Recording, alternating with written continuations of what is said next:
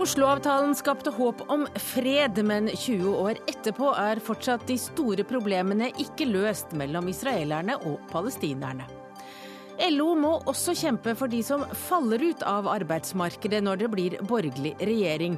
Det mener tenketanken Manifest. Dette kunne bare kommet fra en venstreradikal tankesmie, sier Høyre.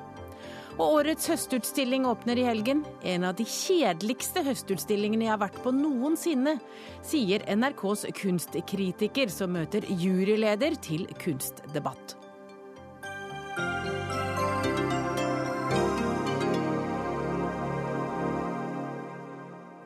Ja, det er noen av sakene i denne sendingen fra Dagsnytt 18. Vi skal også innom Riksrevisjonen, som nå vil se nærmere på NRK-ledelsens håndtering av presseetikk.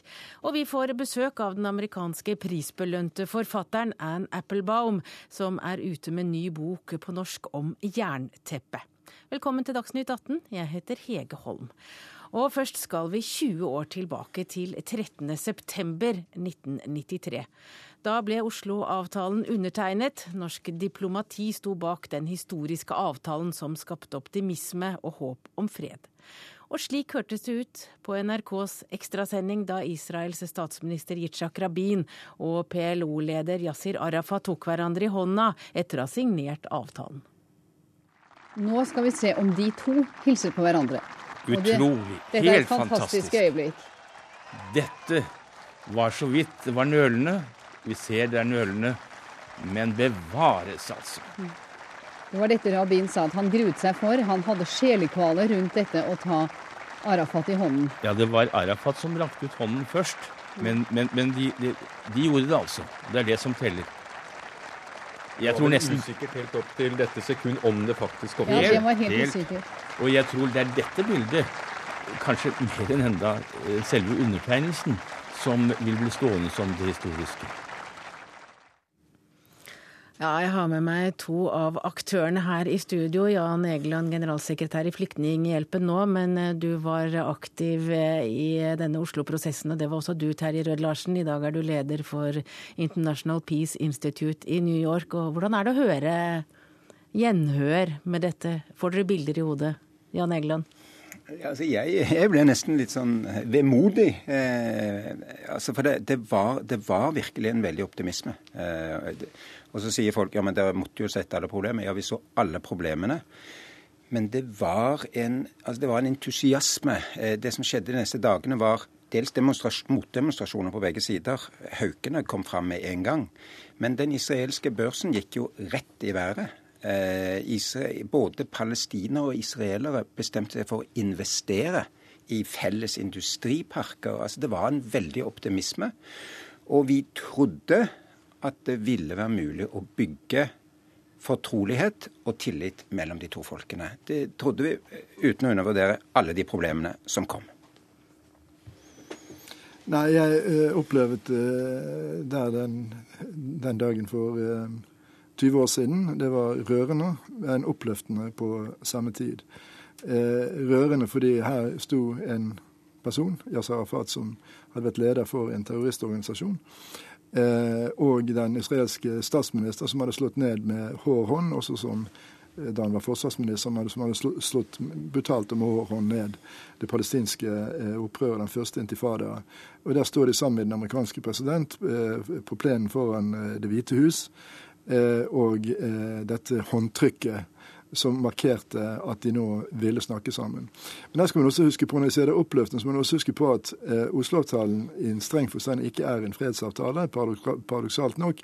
Det er et veikart for forhandlinger som man trodde ville ta eh, fem år, men som nå har tatt 20 år. Så det har altså tatt 15 år lengre enn det man trodde. Men det er betydelige endringer som har skjedd eh, positivt i forholdet mellom palestinere og israelere, og som er veldig viktige regionale konsekvenser. Men det kan jeg kanskje komme tilbake til. Ja, det, ja, men du kan jo si, hva er det viktigste som står igjen av den avtalen som ble inngått for 20 år siden? Ja, la meg først si at Det er vel ingen andre avtaler som det står noe som helst igjen fra. I denne avtalen så er det fire viktige eh, dimensjoner. Det ene det er den gjensidige anerkjennelsen av staten Israel og PLO. eh, som gjorde at de kunne starte forhandlinger. Og alle forhandlinger som har funnet sted de siste 20 år, baserer seg på denne gjensidige anerkjennelsen som var en del av Oslo-avtalene. Det andre der, for å bruke det uttrykket, den ideologien som er eh, underforstått i avtalen, nemlig tostatsløsningen. En palestinsk stat og en israelsk stat som skal leve fredelig ved siden av hverandre. Og Dette er nå eh, et standpunkt som både den, eh, ikke bare det palestinske lederskap, men også det israelske lederskap eh, står for. Og Det var helt utenkelig at en høyreregjering, en Likud-regjering, i 1993 kunne innta et slikt standpunkt. Men i dag så er det den offisielle politikk til statsminister Netanyahus regjering. Eh, og kanskje aller viktigst er byggingen av den palestinske selvstyremyndighet med president, statsminister, regjering, eh, ministerier osv. Og, og det viktige her er at i løpet av disse 20 årene, for to år siden, så eh, sa både Verdensbanken, Internasjonalt pengefond, FN og den såkalte giverlandsgruppen med det såkalte AHLC, de sier at for to år siden eh, så har den palestinske selvstyremyndighet alle de kjennetegn som en stat bør ha. Og Dermed så åpnet man veien for at FNs hovedforsamling i fjor i september eh, eh, anerkjente Palestina som stat og ga det observatørstatus som stat i FNs hovedforsamling. Så for, for første gang i fjor så satt staten Palestina i FNs hovedforsamling.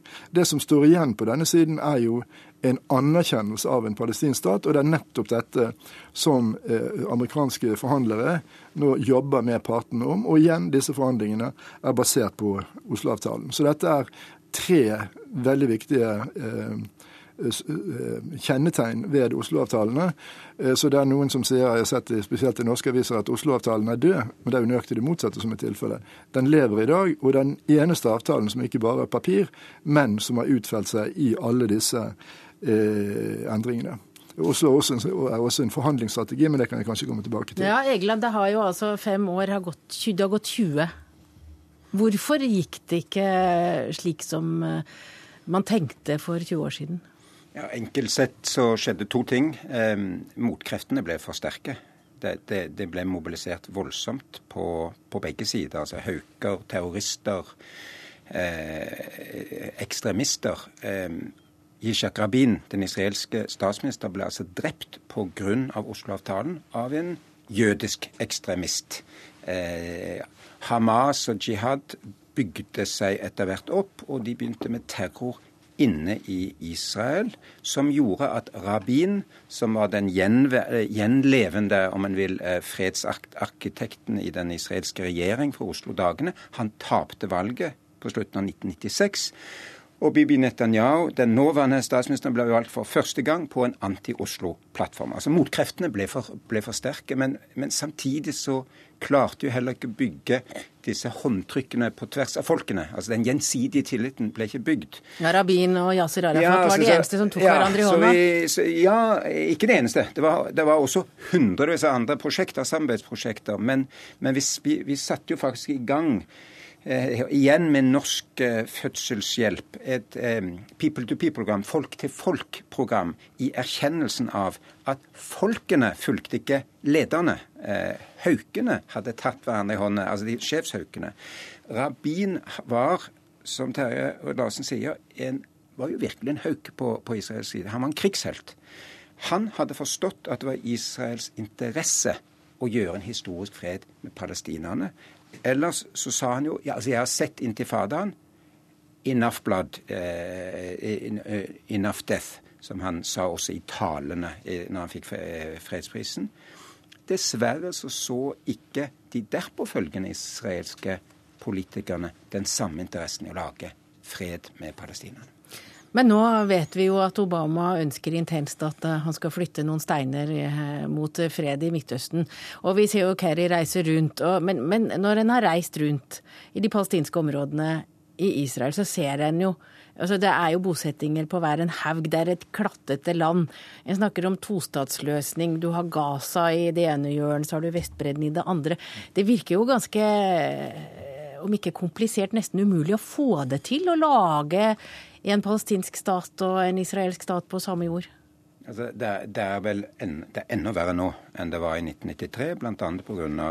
bosetningene. Ja, det hamres og bankes hele tiden. Ja, og det er enda flere f.eks. palestinske flyktninger som vil komme hjem, og som har et, på mange måter et mye mer komplisert krav enn tidligere, for å ta to, to eksempler. Men jeg mener at det er fortsatt mulig. Altså, det, alternativet er fort eh, evig krig. Alle kriger slutter. Det må komme en kreativ løsning, men det må komme lederskap som faktisk ønsker det, på begge sider. Og så må man ha en knalltøff amerikansk megler.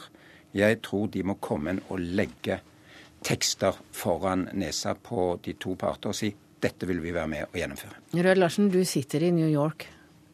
Du sitter nærmere de som kanskje sitter med nøkkelen. Hvis det skal være noen utenifra som kan gjøre noe. Hva tror du? Ja, la meg først si til dette med bosetting at det er selvfølgelig helt uakseptabelt og i strid med eh, eh folkeretten. Eh, og det er bare ett ord for det, det er uakseptabelt. Men samtidig, i praktisk politisk, så er det jo slik at eh, statsminister Ariel Sharon trakk ut et par hundre tusen eh, bosettere fra Gaza. Og det viser jo at det er mulig å flytte på disse bosetterne. Det er ikke slik at det er naturlov at når de først har flyttet hit, så må de bli der. Det går an å flytte på dem. Men det gjør jo motstanden hele tiden større blant israelere som har flyttet ut? Selvfølgelig. Eh, og motstanden var jo enorm i Gaza. Men det ble gjort. Og i dag er det ingen bosettere i Gaza. Slik at altså, det er ikke umulig å reversere en slik prosess. Eh, eh, men eh, eh la meg da også si eh, med utgangspunkt i, i spørsmålet ditt at eh, det er jo veldig bra at partene nå er tilbake igjen ved forhandlingsbordet under ledelse av den amerikanske utenriksminister og hans sjefsforhandler Martin Indik. Eh, og vi får håpe at de eh, får til en løsning. Men jeg må si at jeg er skeptisk i forhold til at det skal være mulig i løpet av de neste syv månedene å løse så vanskelige spørsmål som bosettinger, som eh, flyktningspørsmålet, de palestinske flyktningene, og spørsmålet om Jerusalem skal bli hovedstad for begge land, Palestina og, Israel. og jeg må innrømme at jeg syns ikke det er spesielt realistisk. Men mitt håp er at man kan finne en mellomløsning, som kanskje etableringen av og anerkjennelsen av en palestinsk stat med provisoriske grenser, og så at det er to stater som fortsetter å forhandle om disse vanskelige spørsmålene. Eh, fordi etter min oppfatning så vil det ta ganske lang tid å løse. Og i hvert fall er det urealistisk å løse det i løpet av eh, syv måneder. Det er da 20 år siden i dag, og vi har sett eh, Espen Barth Eide, utenriksministeren, eh, være på Han har reist rundt eh, i de palestinske områdene. Han var på Gaza, han har vært i Jerusalem.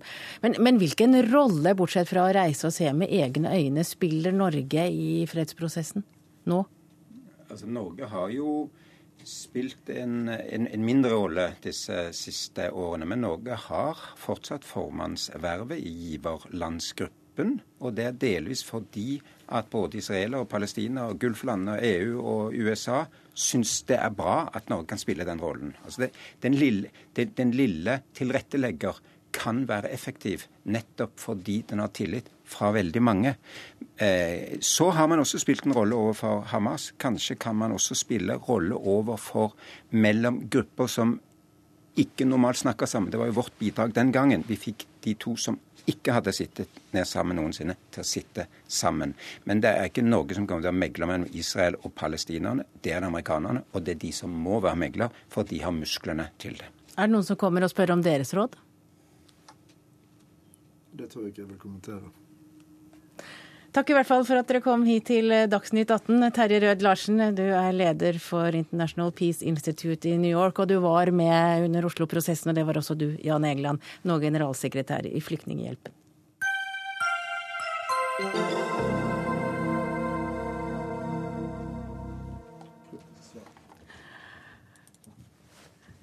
Da skal vi snakke litt om oss selv her i Dagsnytt 18. For Riksrevisjonen varsler at de vil undersøke hvilke rutiner NRK-styret har for å sikre god presseetikk.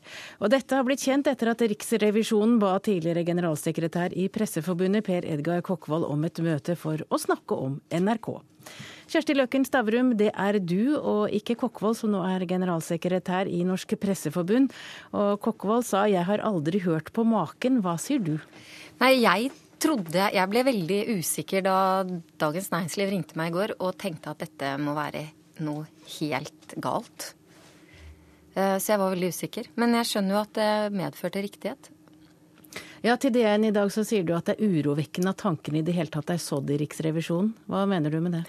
Jo, det er jo sånn at eh, i Norge så har vi heldigvis en fri og uavhengig presse. Eh, det, er en, det, er helt grunnleggende at eh, pressen skal kunne gjøre sine redaksjonelle vurderinger uavhengig av F.eks. myndighetene, f.eks. Stortinget, f.eks. Riksrevisjonen. Eh, og så er det sånn at eh, alle medier i Norge har gått sammen om en såkalt selvjustisordning, som, som jo finnes i Vær varsom-plakaten og Pressens faglige utvalg. Det er det jo. De fleste kjenner jo til det. Men, men kjernen i det er jo at presseetikken er en selvjustisordning. Det er ikke rom for flere aktører i en selvjustisordning enn pressen selv og allmennheten. Eh, vi kan ikke ha det sånn at Riksrevisjonen skal komme inn og ettergå hvordan NRK da skjøtter sin presseetikk. Det vil i grunn bety at Riksrevisjonen, som jo jobber på vegne av Stortinget, skal rapportere til Stortinget hvordan dere i NRK eh, skjøtter presseetikken her i huset. Eh, og hva skal Stortinget gjøre med det? Skal de da refse kringkastingssjefen? Da hadde vi hatt et ordentlig ugreit system. Eh, det hadde rett og slett vært uholdbart. Og generalforsamlingen er jo kulturministeren. Stig Olof Olsson, du er avdelingsdirektør i Riksrevisjonen. Og må du forklare, hva er det dere egentlig ønsker å gjøre? Eh, vi har hele tiden ønsket å ta opp det som er styrets tilsynsansvar Eh, overfor kringkastingssjefen eh, og selskapet. Eh, og vi har ikke på noe tidspunkt lagt opp til at vi skulle ta stilling til hvordan, hvordan det redaksjonelle ansvaret utøves. Ja, hva da? Hva er det dere vil undersøke? Det er Altså, styret har et, et ansvar for å føre tilsyn med, med virksomheten i selskapet. Styret er den som er endelig ansvarlig. Styremedlemmen er faktisk personlig ansvarlig for driften av selskapet. Og på et eller annet eh, sted så møtes disse tingene. Eh, det er ikke et totalt eh, vakuum eller et totalt skille mellom disse to tingene. De møtes på et eller annet sted, og vi har ønsket å se på hvordan styret ivaretar Etikken i NRK? Nei, tilsynsansvaret overfor eh, overfor eh, NRK. Eh, ja, Hvordan kringkastingssjefen gjør jobben sin når det gjelder etikken i NRK? Er det det du mener? Eh, da er vi ikke ute etter eh, de detaljene som Stavrum var innom. Det, det, har aldri vært i våre tanker. Men det at de interesserer seg for, for å få en rimelig sikkerhet for at oppdraget som de faktisk står ansvarlig for, blir ivaretatt på en forsvarlig måte. Men, men hvorfor kommer dette nå? Hva er bakgrunnen? Bakgrunnen er eh, at vi eh, har blitt eh, bedre kjent med NRK gjennom en annen undersøkelse. Vi har undersøkt vi, undersøker også jevnlig styreprotokoller. De, mottar vi for alle heleide selskaper, også NRK. Og vi har selvfølgelig også sett de sakene som har vært reist på dette området, som, som selvfølgelig ikke er uviktig for NRKs omdømme. Ja, Tenker du da på fellelser i Pressens faglige utvalg? Ja. Det er, er, det det som er bakgrunnen for den henvendelsen? Det er en del av bildet. Vi gjør uh, risikobaserte uh, vurderinger av hvilke saker vi tar opp. Ja, Det er deg, William Nygaard. Det er du som er styreleder i NRK. Det er deg de egentlig eh, vil snakke med. Hvordan reagerer du på det? Ja, eh, jeg vil ikke si at eh, litt overrasket, mildt sagt, over henvendelsen er vi jo i styret. Eh, det som jo er understreket her, det er nettopp det som er sagt at pressens selvjustis er en eh, si, en eh, helt avgjørende dimensjon for at norsk presse, eh, internasjonal presse skal kunne fungere. Og det går en, eh, en grense, faktisk, mellom det som er det presseetiske, det presseredaksjonelle på den ene siden, og et styrets ansvar i denne sammenheng. Det betyr ikke at ikke et styre er opptatt av alle kvalitative dimensjoner, og at nettopp at ledelsen selv er opptatt av det som er presseetiske spørsmål. Eh, et styre i NRK vil aldri sette på dagsorden et presseetisk tema som en hovedsak, som springer ut av et eksempel. Eh, vi vil, vi vil berøre det presseetiske gjennom det, det, helt, helt overordnede. Gjennom et strategisk arbeid som, hvor åpenhetsbegrepet er en del av berøringspunktet eh, i NRK, for å ta det som et konkret eksempel. Så jeg tror jeg vil understreke det at det er faktisk en forskjell i et demokrati som vårt mellom de fleste øvrige offentlige virksomheter og nettopp et mediefølsomt eh, miljø som NRK, og det samfunnsoppdraget som nettopp NRK skal utføre på vegne av oss alle. Her ligger det eh, kvalitative, demokratiske dimensjoner som styres best ved deres egen selvjustis. Ja, Hvordan vil du reagere på en henvendelse fra Riksrevisjonen? Det aller første vi skal gjøre, det er å selvfølgelig på hyggelig måte å møtes og undersøke om det kan være noen form for misforståelser i det, den henvendelsen som er kommet. Det er det aller første vi må gjøre. Det har vi altså ikke rukket. Det skal vi gjøre. Og Så får vi avklare da, og se hva, hva dette egentlig innebærer. Men jeg kan ikke se for meg at eh, styret nå skal endre sin rolle, som vi da faktisk måtte gjøre, og gå aktivt inn i det presseetiske arbeidet i NRK.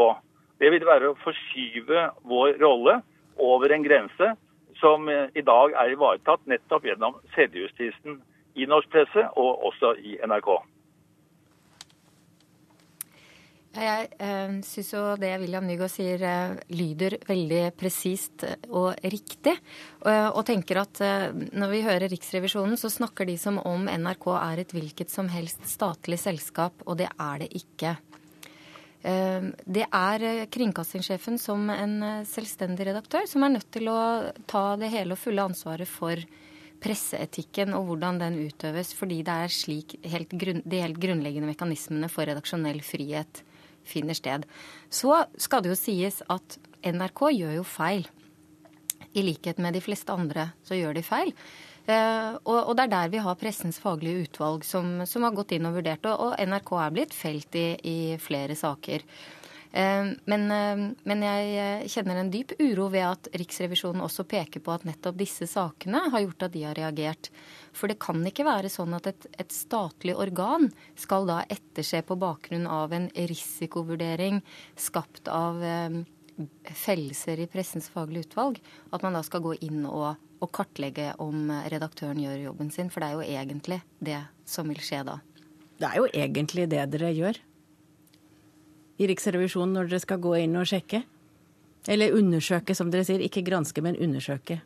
Ja, nei, eh, jeg syns at eh,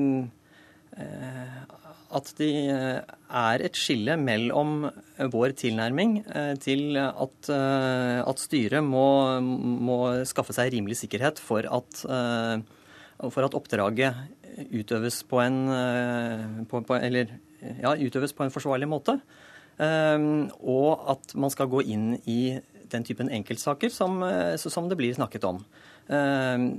Men nå må jeg også få tilføye at vi er i en planleggingsfase. Vi er ikke i en gjennomføringsfase. Det er ikke sikkert brevet kommer, altså? Eh, altså Brev til både Kulturdepartementet og, eh, og, til NRK er allerede sendt, og vi har avtalt møte eh, om, eh, om, dette. Eh, og vi ønsker å ha en, en dialog for å, for å, avklare nettopp eh, hvordan hensynet mellom det ansvaret som styret har, og hvordan det ansvaret som kringkastingssjefen har, Eh, hvordan det skal eh, håndteres i, i, i sammenheng. Ja, nyhets, Nyhetsdirektør i NRK Per Arne Kalbakk, hva er din reaksjon på at Riksrevisjonen at til syvende og sist er det jo verktøykassa de, de vil ned i? Din etiske verktøykasse? Mm. Nei, Jeg ble jo også forundret uh, da jeg hørte om dette. Og jeg stiller meg jo spørsmål om hvordan man kan føre et slikt tilsyn uten at det kommer i konflikt med det helt grunnleggende prinsippet om redaktørens hele og udelelige ansvar for innholdet. Det er Tor Gjermund Eriksen som kringkastingssjef som har ansvaret for innholdet i NRK. Og det er jo helt riktig at vi som enhver annen statlig virksomhet må tåle at uh, at styrets tilsyn med virksomhet og drift blir gjennomgått og ettergått av Riksrevisjonen. Det er det Riksrevisjonen er til for. Men i vedtektene for NRK eh, så er det jo ett viktig unntak fra dette tilsynet, og det er at kringkastingssjefen står ansvarlig for programinnholdet i NRK. Og det er fortsatt vanskelig for meg å forstå hvordan eh, dette, kan, eh, dette kan gjøres uten at det kommer i konflikt med det prinsippet. Så betyr ikke det at det ikke er åpenhet, eller skal være åpenhet rundt våre etiske, etiske verktøy, rundt de grepene vi tar, og rundt de feil vi har gjort. De feilene NRK gjør, de gjøres i full offentlighet. Det arbeidet vi har holdt på med siden i vinter for å bli bedre, for vi har ikke vært gode nok på dette området det siste året, har foregått i full offentlighet. Og senest i går så ansatte vi tre av fire nye redaktører her i i nyhetsdivisjonen, som, blant, som, skal ivareta den viktige jobben vi har satt i gang med å tydeliggjøre redaktøransvaret for, for, NRKs nyhetsvirksomhet. Og Hvis Riksrevisjonen lurer på hva NRK foretar seg for å styrke dette, så er det ett viktig svar. Ja, William Nygaard, Det du kan gjøre hvis du ikke er fornøyd med etikken i NRK, det er vel rett og slett bare å avsette kringkastingssjefen? Ellers så må du vel stole på at han gjør jobben sin? Ja, det er jo slik det det, det lyder. Men jeg vil også minne om at uh, lytterne selv har jo et veldig viktig organ som gjerne kan brukes mer og mer aktivt, og det er jo Kringkastingsrådet. Gjennom Kringkastingsrådet kan alle mulige redaksjonelle spørsmål, spørsmål tas opp, som jo er en god bevisstgjøring av det løpende redaksjonelle arbeidet. Og det, det, skjer, og det kan skje i enda større måte, enda større, større grad. Da vet vi det, men, men eh, altså Riksrevisjonen, når dere da Stig Olof Olsson, har, eh, skal møte nå med styret, skjønner jeg, og med, med Kulturdepartementet, hva, hva, forventer dere kommer ut av et slikt møte?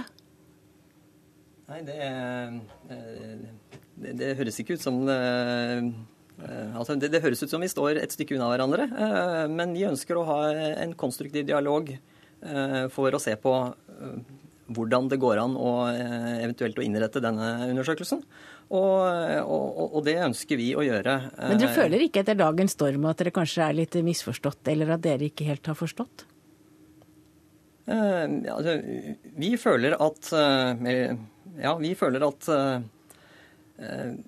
vi er tatt for å ville gå inn i detaljer, inn i enkelthendelser. Eh, og, og, det skulle jo være tilstrekkelig tilbakevist nå. Eh, vi ønsker å se på, eh, på styrets ansvar for å føre tilsyn med virksomheten, med, med systemene som de måtte ha iverksatt. Og, og, og det må være legitimt også for Riksrevisjonen å kunne gå inn i styrets tilsynsansvar. Altså, hos oss i Norsk Presseforbund så gikk jo alarmen nettopp fordi at vi fikk en henvendelse med spørsmål om hvordan vi kunne overføre kunnskapen om suksesskriterier for utøvelse av presseetikk til Riksrevisjonen. Så jeg, jeg tenker at eh, jeg syns jeg hører en riksrevisjon som driver og trekker seg litt tilbake her. Men jeg tror det vil være tjenende Riksrevisjonen til ære hvis de er helt tydelige, gjerne etter dette møtet, på at de skal ikke jobbe med presseetikken. Eh, fordi at det, det, Der er det nesten, tror jeg, kanskje litt sånn voksenopplæring innenfor dette området. Fordi presseetikken er en selvjustisordning som sjefredaktøren har ansvaret for. Det skal ikke ettergås av Stortinget. Det kan det ikke gjøre. Det, det vil legge grunnlag for et system som ingen egentlig ønsker. Og da setter vi punktum for denne voksenopplæringstiminuttene. Takk til deg, Kjersti Løkken Stavrum, generalsekretær i Norsk Presseforbund, Per Arne Kalbakk, nyhetsdirektør i NRK, Stig Olof Olsson, eh, avdelingsdirektør i Riksrevisjonen, og vi hadde med oss William Nygaard på telefon fra Island, og han er styreleder i NRK.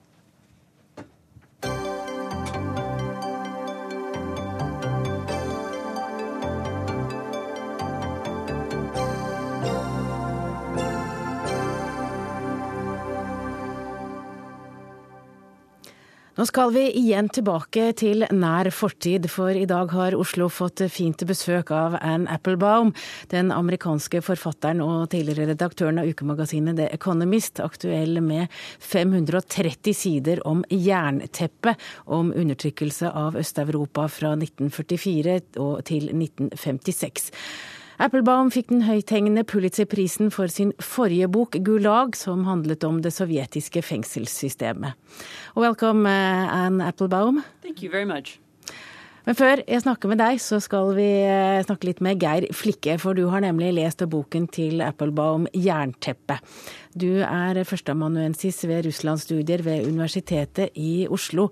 Og for å sette oss litt inn i Applebaums måte å skrive historie på, eh, du mener at eh, hun skriver en, på en måte som du vil kalle empatisk. Hva mener du med det? Jeg mener at hun i denne historieboken og de andre historiebokene som hun også har skrevet, skriver eh, på en måte liksom dagliglivets sosiologi, altså, i, i, måten hun beskriver historien på. Og akkurat denne boken starter jo med 'Zero Hour', hvor hun altså beskriver da dette øredøvende sjokket etter at all krig var slutt, og hvordan folk da krøp ut av ruinene for å forsøke å møte hverdagen igjen. Og så beskriver hun også da denne opprullingen, altså denne, dette nye systemet, hvordan eh, denne friheten, denne kortvarige friheten, raskt ble satt inn i et sånn straight jacket-system, altså hvor, hvor, hvor, på en måte det sovjetiske dominansen da kom eh, inn i Øst-Europa. Ja, nazismen ble erstattet med stalinisme. Ja, det er det som er, eh, som er faktum. Hun dekker jo akkurat den perioden i historien som da gjerne kalles for høystalinismen, altså de siste årene fra 1946 og fram til Stalins død i 53, og stopper vel da egentlig ja, rett før den 20. partikongressen i 1956, hvor Khrusjtsjov jo tok et oppgjør med Stalin-tiden. Hva er spennende med denne epoken? Det som er spennende ved denne epoken, er at det er en formativ epoke for et Europa, altså etterkrigs-Europa, og denne todelingen av dette etterkrigs-Europa. Eh, det er en viktig del av historien, fordi når vi snakker om det utvidede Europa, wider Europe, som det heter altså på engelsk, så er forutsetningen for, eh, for det altså at dette var et, et område som ble sovjetisert. Det var krig. Men så falt altså Berlinmuren. Og så falt jernteppet, og så kunne man igjen begynne å bygge på det som fantes før denne perioden. Flikke, du sitter her fortsatt, vi skal snart snakke med Applebaum, men du syntes det var stas å få sitte sammen med Applebaum i studio ja, i dag. Ja, hvorfor det? Applebaum er jo en, en, veldig anerkjent historiker. Eh, og som Du har allerede listet opp de prisene hun har fått. Eh, hun er også en veldig anerkjent mediekommentator. Hun, hun skriver eh, i, i, mediene. Jeg har lest veldig mye av det hun har skrevet. Det er preget av et sylskarpt intellekt, syns jeg. Gjennomtrengende. Og hun tar ikke lett på selvfølgeligheter. Så det er stort å sitte ved siden av henne. You understood what he said? Almost all of them. Almost all of them. Welcome, Anne Applebaum. We're pleased to see you. And you have dedicated uh, your book, uh, Jernteppe, or Iron Curtain, to those who refuse to live a lie. Why? It's actually it comes from a it's, a, it's an expression that comes from a quotation that I use in the beginning of the book, uh, which is from Václav Havel, which is about how um, you know, one of the and, and, one of the strange things about uh, the the Soviet system was that it not only forced people to do what the state told them to do, it also forced them to go along with the propaganda and to agree in public with whatever they were told to agree with, and to march in the parades and carry the May Day signs and and and. Um, and, and agree publicly with, with the regime. And of course, one of the problems um, uh, one of the problems with that was is that secretly people often didn't agree, or they, you know, when they went home, they were angry that they'd been made to agree. And one, of course, one of the reasons why the system fell apart eventually was that you can really only force people to to do something like that for so long, and you create. Um, you create opposition. I mean, one of the, one of the oddities of the period that I write the book about is that it's a time when the Soviet system, um, the, the, the, the, Red Army, together with local communist parties, were trying to take control of many different kinds of institutions in society. So, not just the economy and not just politics, but also youth groups and schools and education and so on, and, and the arts and culture. And the, and the trouble, of course, when you try to take over everything, you create opposition everywhere because if you tell all young people you all have to be in the communist youth movement and one little group of 10 people says no we don't want to be. We're going to form our own group you've just made them into political dissidents. When you tell artists you all have to paint like this then you have one person says i want to paint differently. You've made him into a dissident. And of course, the, the, the, people in Eastern Europe who decided, you know, who made the choice to do something different were eventually the, the dissidents, and they were eventually the people who, who brought up, took apart the system. Ja, Applebaum forteller jo her at uh, hun har dedikert boka til de som nektet å leve på en løgn. Og det var altså til slutt så, så, så klarer ikke et styre å, å, ha folk levende på løgn. Til slutt så forstår de at de blir undertrykt. Og det er en gruppe som uh, hun skriver om i boka om jernteppet. Og hun starter boken med å fortelle om en gruppe kvinner i Polen som eh, åpnet hostell eller hotell eller herberge for kvinner og barn. Et sted hvor de kunne få mat og tepper og medisiner. Og da lurer jeg på hvorfor akkurat den historien skal fortelles eh, når du skal fortelle historien om jernteppet. Applebaum, you start a book with a story about a group of women in uh, Lodz in Poland in 1945. A story about how they organized a hostel for women and children where they could come and have medicine, food, clothes, and what they need for their everyday life. Why do you start the book with this story? I started the book with that story because it's an example of what we now call civil society. So, a group of women uh, faced with a national emergency. This was the end of the war. People were coming home from concentration camps and from exile, and there were many people stranded at train stations for a long time. And this was a group of women in one city who decided to organize um, help for, for, for you know doctors and food and clothing and so on. And it was really just a, an absolutely spontaneous social organization of the kind we're very used to having in the West. It was a charity, basically. Within a very, very short period of time, within about five years, that organization called the League of Women uh, had been made into a part of the Communist Party. So the party had taken it over. It had pushed out all the women who were independent thinking, and it had put the, this organization under state control. And this was what happened to dozens and dozens of similar organizations around uh, Central Europe. They were they were they were not allowed to have a separate existence. The only kinds of organizations that were legally allowed to exist were state organizations. So the Boy Scouts, the scouting movement in Poland was eliminated because you can't have an independent youth movement. Um, youth groups in Hungary were eliminated. Charities were eliminated. Anything that was spontaneous and self organized was eliminated because the state wanted everybody only to work within its own structures. And that's really the, the definition of totalitarianism was this attempt to put all everything underneath the control of the state. Ja, Applebaum forteller at uh, de velmenende kvinnene de ble i løpet av fem år så ble de underlagt uh, styresmaktene. Og alle frivillige organisasjoner som egentlig var til uh, for det gode, det ble underlagt partiet og underlagt staten. Og det handler om altså det begrepet totalitarisme eller totalitarisme eller totalitarisme. It's a keyword in the Stalin regime. Can you explain the word? Well, totalitarianism, as we were as we were just discussing, the, the first person who used the word was actually Mussolini, and he had a very simple definition of it, which was everything within the state, um, nothing outside the state, nothing against the state. So the state controls everything, and that means all of culture, all of human life, all of children's education, everything. Um, and it's a, it's an important word for this period because it explains very well what these new communist governments in 1945 were trying to do. Um, none of them was ever successful. In other words, you can't really say it ever it was ever true that everybody was controlled in all ways and everybody agreed with every single thing the state said. But that was what they were trying to do. That was the goal. Um, and so it's a very important concept to understand because it, it explains what was the aim of these of these political systems. Um, so when, when the Red Army first came into the region, they began laying the groundwork for this system really right away from, from 1945. Altså Totalitarisme det er altså full kontroll, rett og slett, og det var det de ønsket å ha. Det var vel det de også mistet etter at Stalin døde. Men uh, Anne Applebaum, you're born in 1964. Why? You first you wrote about the Gulag, the Soviet uh, system, and now you write about uh, Iron Curtain. Why? Well, the, the, Iron Curtain book comes from my own experience. Um, I was in Poland in 1989. I was a journalist, very young journalist there then. Uh, I was in Berlin also at the time the wall fell, and I w- watched this system fall apart. Uh, I then lived in Poland for some of the 1990s, and I live there part of the time now.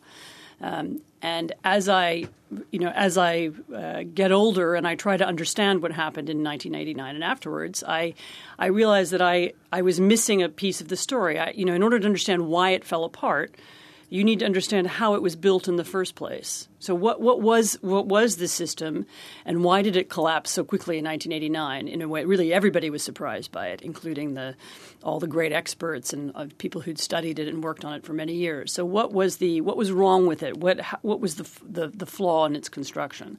And really in order to understand what happened in in in our lifetimes and just what happened in the last 20 years, you need to know what happened um, in these earlier years because they are the it's it's it's the building block. Appelbaum har skrevet boken for det det handler om hennes egen historie. Det handler om hennes egen samtid. Og for å forstå hvorfor muren falt, hvorfor jernteppet falt, så måtte man også forstå hvorfor det oppsto og hva det egentlig besto av. Og for å forstå vår egen tid, så er det også eh, smart å forstå historien vår og forstå. Og for å kunne bekjempe krig og elendighet, så er det også viktig å vite hvorfor det oppstår. Takk til Thank you for coming, Ann Applebaum. Thank you very much for having me. Takk også til deg, Geir Flikke, førsteamanuensis ved Universitetet i Oslo.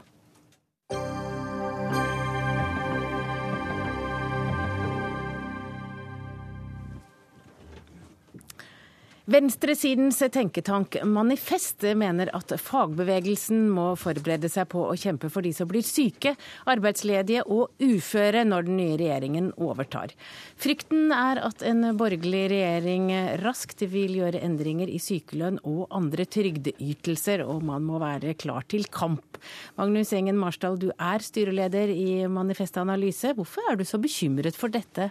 Altså, Høyre lover jo sitt program arbeidstvang for sosialhjelpsmottakere. De lover å overprøve legers sykemelding ved langvarige sykeforløp. Men det mest illevarslende er jo ikke de konkrete kulepunktene. Det er, for de er stort sett ukjent, eh, men det er også at Høyre lover en fullstendig gjennomgang av alle ytelser under slagordet 'det skal lønne seg å jobbe'. Og Det er en retorikk som insinuerer at det er et stort samfunnsproblem i Norge i dag at mange er utenfor lønnsarbeid fordi det lønner seg.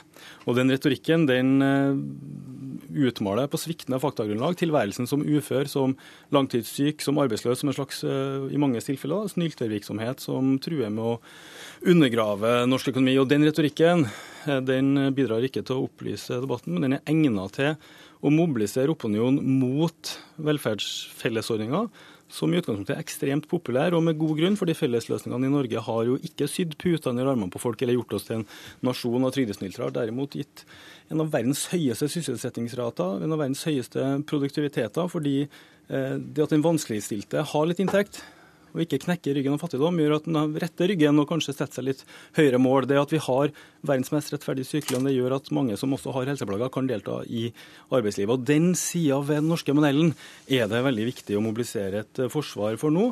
I tillegg til selvsagt Men fagforeninger, da, for å gå Jo, men I tillegg til jeg nevne det, tunge bærebjelker som arbeidslivsorganiseringa og lønnsdannelsen, så er også det her et tema for fagforeningene.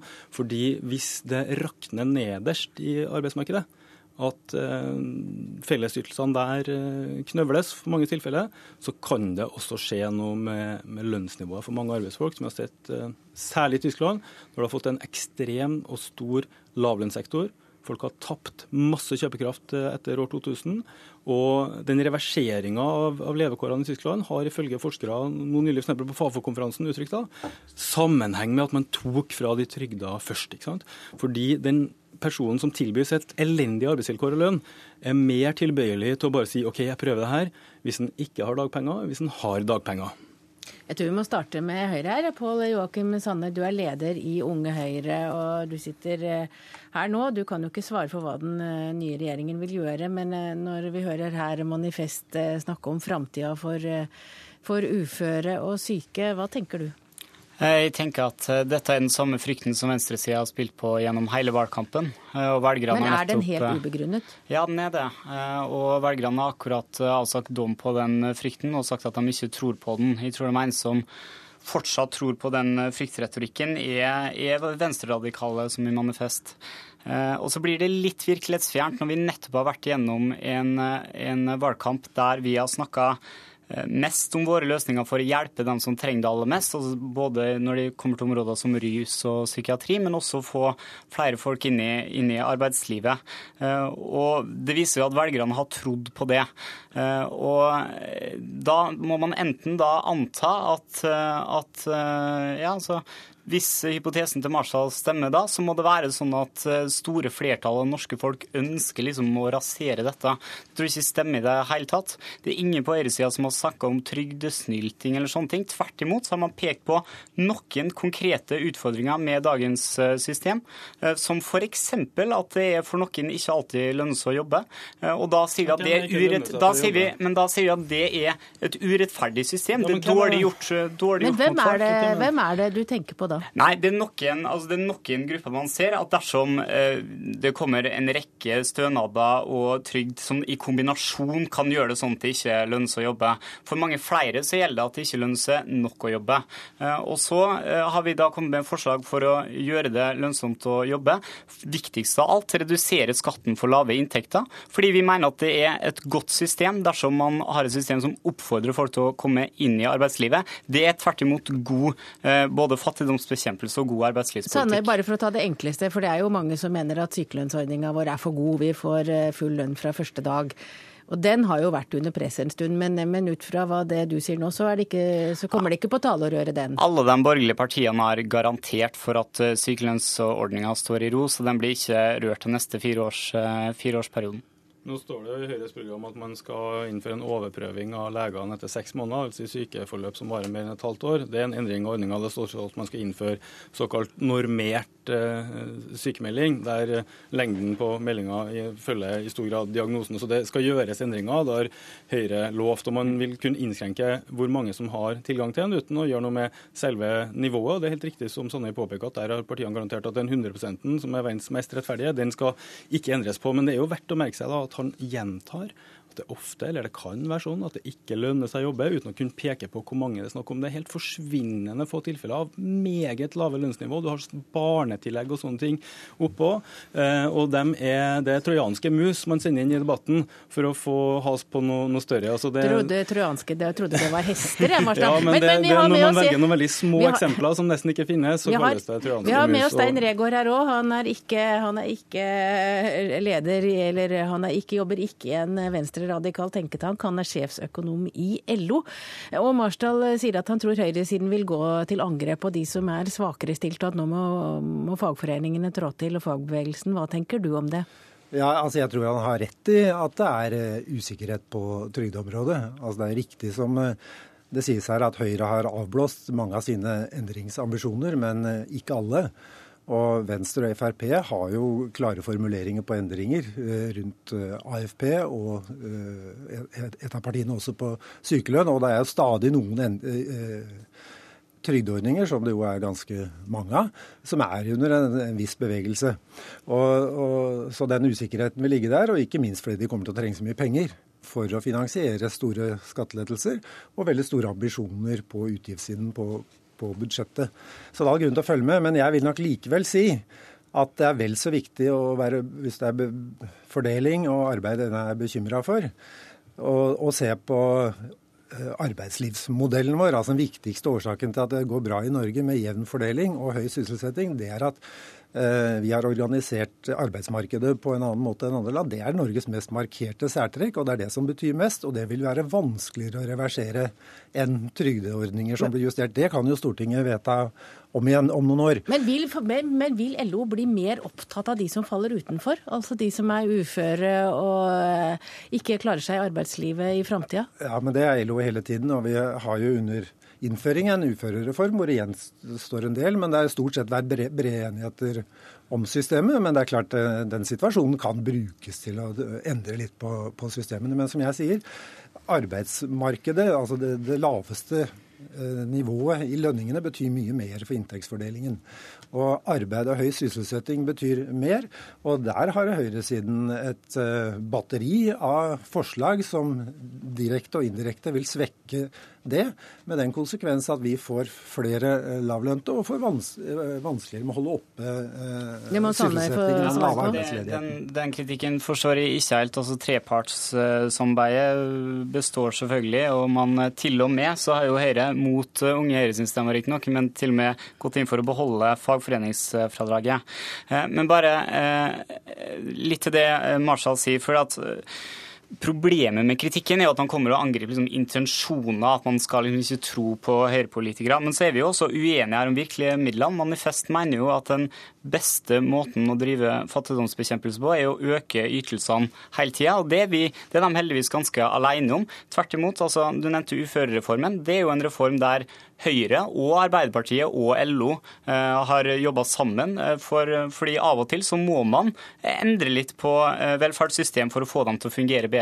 Pensjonsreformen er et annet eksempel som har gjort norske velferdssystemer litt mer bærekraftig. Den var manifestet imot, men der har man også samarbeida på tvers av midtstreken i norsk politikk. Så dette er jo utfordringer flere ser, og som man selvfølgelig må, må hele tida se på hvordan man kan gjøre bedre. Ja, Er du spesielt negativ, Marsdal?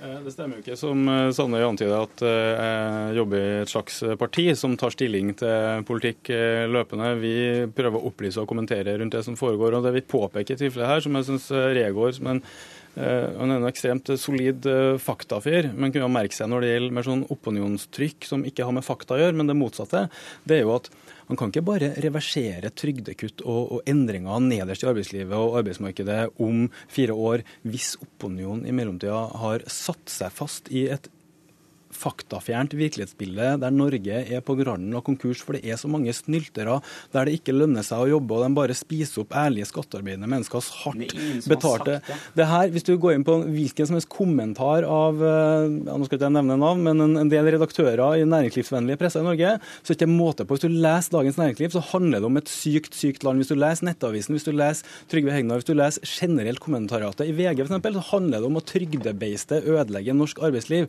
Og det er den opp opinionskampen vi er opptatt av å, å rette fokus på. Og da heller ikke at eh, Stein Regaard har orden på fakta, hvis nesten ingen i norsk presse har fått, uh, fått med seg hvordan det ligger an. Og det er faktisk at Norge har verdens høyeste produktivitet, høyeste sysselsetting, og ikke er i ferd med å gå konkurs. Ja, Helt kort til slutt, eh, Regaard. Ja, jeg er enig i retning, men hvis jeg skal hjelpe Unge Høyre-lederen med det som kan påvirke arbeidsmarkedsmodellen, så er det hvis det blir tukling med AFP pga. Venstre og Eh, og Frp. Eh, hvis dere skal gripe inn i arbeidstidsreguleringen, ta fra partene den styringen, så svekker dere grunnlaget for fornuftig lønnsoppgjør. For lønnsoppgjør og der er den advarselen avsendt. Takk til deg, Stein Regaard, sjeføkonom i LO, Paul Joakim Sanne, leder i Unge Høyre, og Magnus Engen Marsdal, du er styreleder i Manifest Analyse.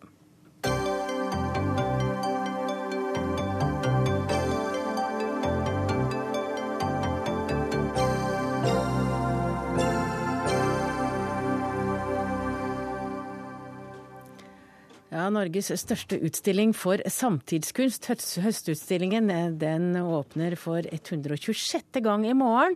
Og av 7000 innsendte kunstverk er 109 plukket ut til årets utstilling. Men utstillingen skuffer og er den kjedeligste utstillingen på lenge, altså Høstutstillingen. Det mener du kunstkritiker her i NRK, Mona Pale Bjerke. Hva er det du ikke liker? Nei, det er en opplevelse som jeg har skrevet i min anmeldelse, at jeg opplever at jeg går rundt i utstillingen og har en vedvarende déjà vu-opplevelse. Det er sånn Dette har jeg opplevd før. Det føles som om jeg har sett den samme utstillingen gang på gang. Så det er en eller annen slags jeg vet ikke, en slags forutsigbarhet. Kanskje har det oppstått en slags eh, forestilling om akkurat hvordan høstutstillingen skal være, som gjør at man lager den litt sånn likt. Men, men Høstutstillingen får jo veldig ofte kritikk. Eh, om det ikke er det ene, så er det det andre. Og nå sier ja. du at nå får den kritikk for å være rett og slett bare helt uinteressant? Ja, og jeg syns jo ikke den har vært like uinteressant hvert år. 2011 var et veldig godt år hvor det var mange høydepunkter. Det er vel det at denne type juriert gruppeutstilling, det er en litt sånn hummer og kanariutstilling uansett. Men hvis det er nok av høydepunkter, så går det liksom bra likevel. Men i år så syns jeg også at det var så langt mellom høydepunktene. Så da blir det på en måte bare den der formelpregede utstillingsformen som jeg tror det er på tide at vi, vi ser på hvordan vi kan gjøre noe med hvordan høstutstillingen er ordnet. Nils Olav Bø, du er juryleder for Høstutstillingen i år. Eh, hva sier du til kritikken? Nei, altså ehm, Det er jo vanlig at høstestillinger blir både skjelt ut og får eh, positiv omtale, sånn som det har gjort eh, denne gangen. Så Sånn sett så stemmer, jo, stemmer det jo, liksom. fordi at høstutstillinga har jo en spesiell form som gjør at den er det den har blitt. da. Men hva tenker dere når dere velger ut blant 7000 innsendte verker, så velger dere 109. Hva tenker dere når dere da kuraterer utstillingen? Eh, det viktigste for oss har jo vært å eh, lage utstilling eh, fra det vi syns er de beste arbeidene ut ifra de innsendte verkene. Og det går både på teknikk og, på uttrykk. Og i og med at vi sitter seks stykker, seks kunstnere da, i juryen, så får jo du en, et større mangfold. Altså utstillinga blir veldig breispektra. Og det er jo det som gjør at at den har kanskje den populariteten at uh, går du der, så finner du alltid et verk som uh, du vil like, eller som uh, virker på deg. Og det er jo en veldig positiv ting. Og det andre er Ja, Fant du ingen du likte, Bjerke? Jo da, absolutt. Det er klart det er noen uh, høydepunkter der. Men jeg syns også selv de som jeg likte, sånn som uh, verket til Løvaas og Vagle, bærer er liksom kunne like godt vært en del av høstutstillingen 1998. Så det er litt sånn opplevelsen av at uh, det kunne vært 10-15 år siden. det er ikke en opplevelse av at utstillingen har fingeren på tidens puls. Og det syns jeg kanskje egentlig høstutstillingen skal prøve å ha. For det ligger litt i høstutstillingens tradisjon å være litt sånn cutting edge, litt sånn i, i samtale med, med samtiden. Det er litt sånn gjentagelser, gjentagende strategier. Det er veldig lite som oppleves friskt og nytt og utfordrende i årets høstutstilling. Ja, det, det, stemmer jo det. For det, det, er jo litt av vesenet til høstutstillingen og som jeg var inne på, kvaliteten til høstutstillinga. Og den er viktig eh, som en eh, del av den eh, aktørene på den norske kunstscenen. På den andre sida har du eh, kuratorene, museene museer og de private galleriene. Vi, jo, vi, er jo fristilt. De har jo sine agendaer så de skal ivareta økonomisk interesse. Vi er helt fristilt. Vi kan stille ut ting som de kanskje aldri ville tatt i. Det andre er jo at video, nye medier, har jo kommet mye mer sentralt inn nå i høstutstillinga. Vi har jo et kjempestort videoprogram og performanceprogram. Eh, som har òg et mer ekstrovert uttrykk enn disse andre små poetiske, stille arbeidene til mer eh, eh, større arbeid. Men er det blitt sånn at Høstutstillingen ikke lenger klarer å sjokkere Mona Palle Bjerke? Ja, jeg var i hvert fall ikke noe sjokkert på noe tidspunkt. Men det jeg tenker er at det som er så synd med at man ikke klarer å lage en ordentlig bra utstilling, det er jo fordi at Høstutstillingen har en så spesiell pos posisjon. Da. Vi, diskuterer den i Dagsnytt 18. Det er ikke ofte man snakker om samtidskunst i Dagsnytt 18. Og, det, og den kommer i Dagsrevyen. Alle medier er opptatt av den. Og da har man den unike muligheten til å formidle samtidskunst også til et veldig bredt publikum. Og da syns jeg man skal begynne å tenke nå at eh, kanskje har den utspilt sin rolle i den form den har nå. At man kanskje skulle tenke at en tematikk kunne vært, altså man kunne ramme det inne, ville mm. vært eh, bra. Så man kunne utlyst eh, på en måte utstillingen med. Og så ville kanskje kunstnere jobbe inn mot det, og så ville de få et mer fokus. For det tror jeg utstillingen trenger. Kunne det vært en idé med en idé? Eh, vi eh, snakker eh, i juryen før vi begynner å jurere. Skal vi, hva slags utstilling, hva slags profil skal vi ha på utstillingen? Kan vi f.eks. lage en temautstilling som museer og kuratorene er veldig opptatt av? Vi fant jo fort ut at det går vi vekk ifra. fordi vi er avhengig av de arbeidene som blir sendt inn. Og hvis vi skal lage en profilert temautstilling, så må vi gå mye hardere ut og invitere. Og da mister du mye av den kvaliteten og det særpreget som nettopp høstestillinga har. Og Høstutstillingen den åpner altså i morgen, og der henger det 126 Den åpner for 126. gang, og det er altså 109 verker som er plukket ut av 7000 innsendte. Lykke til, eh, Nils Olav Bø, du er juryleder, og takk til deg, Mona Palle Bjerke, som er kunstkritiker her i NRK. Denne sendinga fra Dagsnytt 18 eh, går hastig mot slutten. Ansvarlig for sendinga var Siri Storstein Hytten. Teknisk ansvar hadde Finn Lie. Jeg heter Hege Holm, og vi høres igjen på mandag. God helg.